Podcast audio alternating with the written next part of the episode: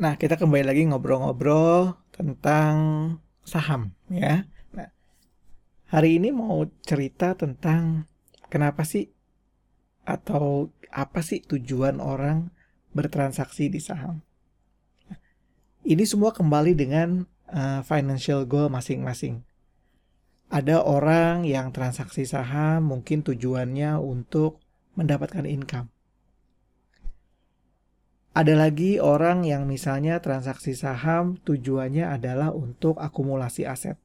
Misalnya contoh nih ya, udah punya rumah, udah punya tanah, udah punya apartemen, emas banyak, deposito segudang gitu ya.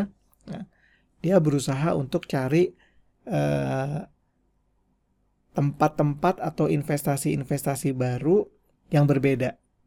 Kalau biasanya sempen uh, aset fisik, dia sekarang simpan aset yang uh, paper atau uh, surat berharga.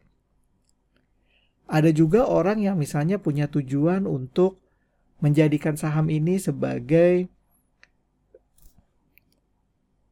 nilai yang bisa diterima manfaatnya di masa mendatang. Sebagai contoh misalnya sebagai manfaat pensiun. Nah, itu bisa juga. Tiga tujuan ini mendapatkan income, kemudian mengakumulasi aset, lalu untuk mengamankan tujuan finansial masa depan, itu bisa dijawab oleh saham secara bersamaan. Kenapa? Karena di saham itu kita untuk trading bisa, untuk invest juga bisa. Berbeda misalnya kalau kita punya investasi atau punya aset berupa rumah gitu ya. Rumah tuh nggak bisa ditradingin. Beli hari ini kemudian e, dijual besok itu nggak bisa.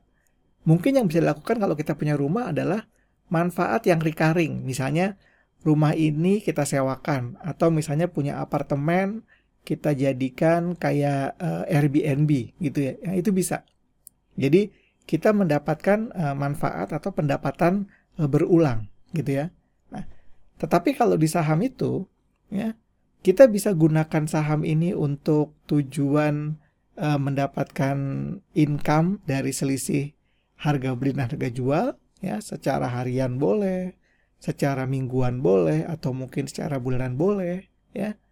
Tapi juga bisa mendapatkan manfaat dari uh, saham tersebut atau gain dari saham tersebut ketika nilainya sudah bertumbuh uh, ratusan persen atau puluhan persen selama beberapa tahun.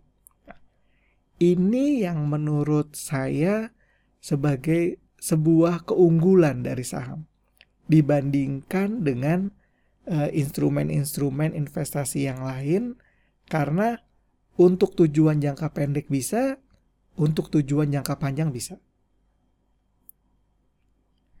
Banyak orang yang akhirnya bingung gitu. Om, kalau misalnya sekarang saham ini bisa untuk tujuan jangka pendek atau tujuan jangka panjang, maka gimana strateginya? Yang pertama adalah kalau kita punya dua tujuan dari saham ini, maka tempatnya kita pisahin dulu. Ya. Akunnya kita pisahin dulu. Akun untuk trading mendapatkan income satu, akun investasi untuk akumulasi aset dan tujuan finansial masa depan kayak pensiun atau umroh atau dana pendidikan itu di akun yang berikutnya. Jangan digabung. Kenapa tidak boleh digabung? Karena kalau kita gabung, kekhawatirannya adalah psikologi kita terganggu. Sebagai contoh nih ya, misalnya gini, kita punya tujuan untuk berinvestasi saham BBRI.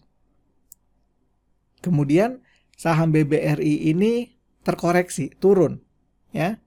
Kita pasti udah kebat-kebit, kebat-kebit. Aduh, gimana nih? Turun, turun, turun, turun seperti itu. Tapi pada saat bersamaan dia ada potensi kenaikan jangka pendek, ya. Mungkin kenaikan sehari atau dua hari, tiga hari seperti itu. Nah, kalau kita yang punya tujuan untuk investasi, mungkin kita nggak ngapa-ngapain di saham itu, kita diemin saham itu. Tapi kalau orang yang punya tujuan untuk trading, itu pasti dia akan memanfaatkan kondisi membeli di harga low dan kemudian menjual di harga high dalam jangka pendek.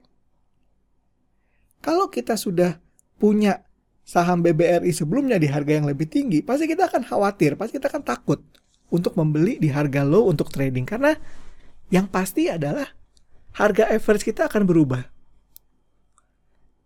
Saham itu atau rekening sekuritas itu itu nggak bisa gitu diatur. Misalnya oh saya beli uh, yang hari ini harga low lalu saya jual hari ini di harga high. Nggak bisa tuh diatur. Misalnya last in first out tuh nggak bisa. Karena di saham itu metodenya semuanya averaging. Makanya ada baiknya kalau misalnya kita punya dua tujuan either saham-sahamnya dibedakan atau kita udah langsung pecah dalam uh, dua rekening yang berbeda. Ini salah satu rule of thumb yang harus dilakukan kalau kita punya dua tujuan dari transaksi saham baik itu untuk trading maupun untuk investasi. Banyak orang yang akhirnya lebih nyaman melakukan seperti ini. Kayak contoh saya, saya itu kalau untuk investasi saya masukin di rekening saya di RHB tapi kalau untuk trading, saya masukin di rekening saya yang MNC Sekuritas. Jadi kalau ketika misalnya nih, saya sudah eh, nabung BRPT di harga 800-900. Sekarang BRPT terkoreksi dari 1300 ke 1180 atau 1170. Saya masih bisa untuk trading di rentang harga tersebut. Di akun saya yang MNC. Tetapi saya tidak akan utak-atik dulu di akun saya yang uh, uh, RHB buat investasi karena saya akan berusaha untuk mencari uh, harga pantulan atau harga breakout yang terbaik untuk kepentingan investasi saya.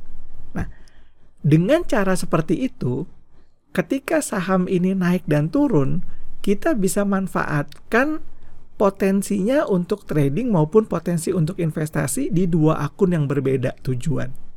Ya, jadi jangan jangan akunnya digabung jadi satu, terus teman-teman malah jadi confused gitu ya aduh saya nggak mau nih ikutan saham ini saya masih punya di harga tinggi. Padahal kalau misalkan mau untuk trading boleh aja. Gitu ya. Jadi buat uh, yang mendengarkan podcast ini nanti ngerti gitu loh bahwa oh jadi gue harus harus harus uh, pisahin dulu. Ya.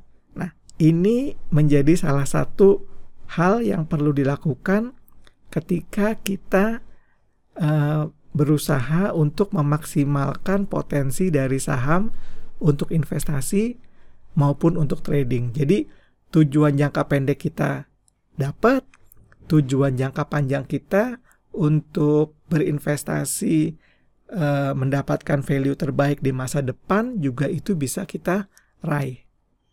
Oke, itu aja ngobrol-ngobrol kita di podcast uh, saat ini. Nanti kita lanjutkan di konten-konten podcast berikutnya.